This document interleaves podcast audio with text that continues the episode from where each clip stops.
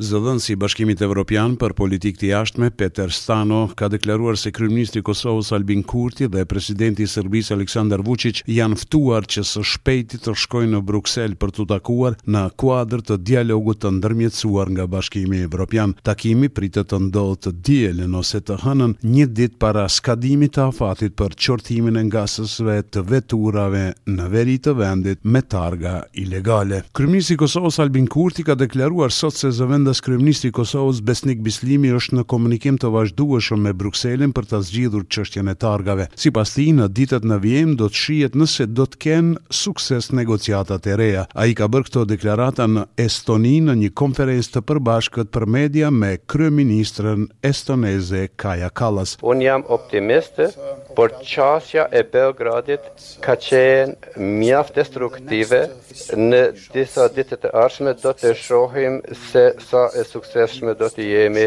në këto negociata të reja. Kemi nevojë për marrëveshje përfundimtare me Serbinë për normalizim të plotë të marrëdhënieve me njohje reciproke. Kryenegociatori i Kosovës në dialogun me Serbinë, Besnik Bislimi, ka deklaruar mbrëmë se në kërkesën e partnerëve ndërkombëtarë për shtyrjen e afatit, prej dhjetë muajsh për konvertimin e targave ilegale në RKS, ka munguar strategjia e ndërkombëtarëve se çka ndodh pas atij afati dhjetë mujor. Ai deklaroi se nuk ka pasur garanci se çfarë do të ndodhte pas dhjetë muajsh. Është një tendencë që gjithmonë problemet, telashet të shtyhen për më vonë. Por kur unë pyes çka ndodh në gusht të vitit dy mijë e njëzet e tre, përveç që ju veni prapë edhe thoni shtyne edhe dhjetë muaj, nuk ka pas përgjigje, që këtu është problemi. Nuk ka pas mekanizëm apo strategji të qartë që thotë ne bashkë me ju sigurohemi që deri në gusht zhduken tabelat ilegale në Kosovë. Kuvendi i Kosovës me gjashtëdhjetë e katër vota pro ka miratuar në parim projektligjin për ndarjen buxhetore për vitin dy mijë e njëzet e tre. Kundër miratimit të buxhetit votoi vetëm deputeti i Lëvizjes Vetëvendosje, Fatmir Humolli, ndërsa deputetët e partive opozitare nuk morën pjesë në votim. Kryeministri Albin Kurti tha se ky projektligj garanton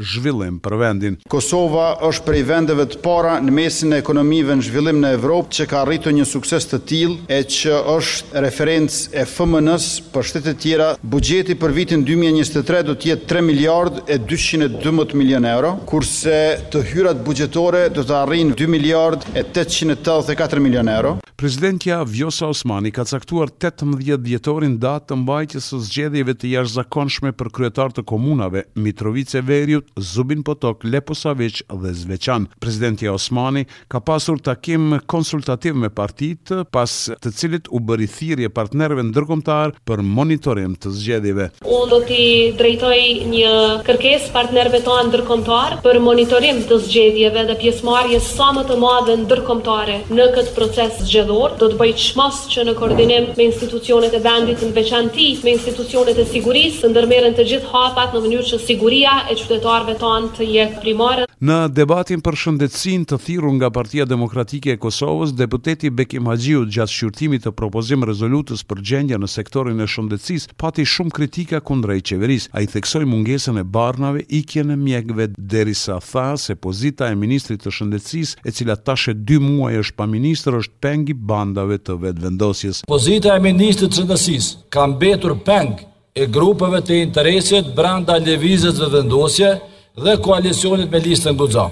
Dhe për pasojë, shëndetësia jonë po udhëhiqet nga ushtrues detyre, e që nuk ka guximin as të vijë sot të përballet me deputetët për sektorin e shëndetësisë. Ish-ministri i Shëndetësisë, deputeti i LDK-së, Armend Zemaj, derisa foli për gjendjen e rënduar në shëndetësi, theksin e vuri te ikja e mjekëve nga Kosova. Kosova po përballet me largim të profesionistëve shëndetësorë. për shkak të pagave të ulëta, të trajtimit të keq të punonjësve dhe këta janë shtyllat kryesore të shëndetësisë. Ndërkaq deputeti i AAK-së, Shemsedin Dreshaj tha se gjendja në shëndetësi është alarmante. Ligjet kapitale të premtuara nga Ministria e Shëndetësisë që do të realizohen deri më pesëmbëdhjetë nëntor ende nuk kanë kaluar as nëpër komisione parlamentare. Sigurimet shëndetësore askund për vitin që vije. Fondi për sigurime shëndetësore është zero për qind, s'është i paraparë fare. Ndërkohë, deputetja e Vetëvendosjes, Fatmire Kollçaku, tha se sa është prioritet shëndetësia sipas saj, tregon buxheti i ndarë për këtë sektor, derisa tha se vetë kryeministri Albin Kurti është vënë në krye të shëndetësisë për ta fuqizuar atë. Buxheti për vitin dy mijë e njëzet e tre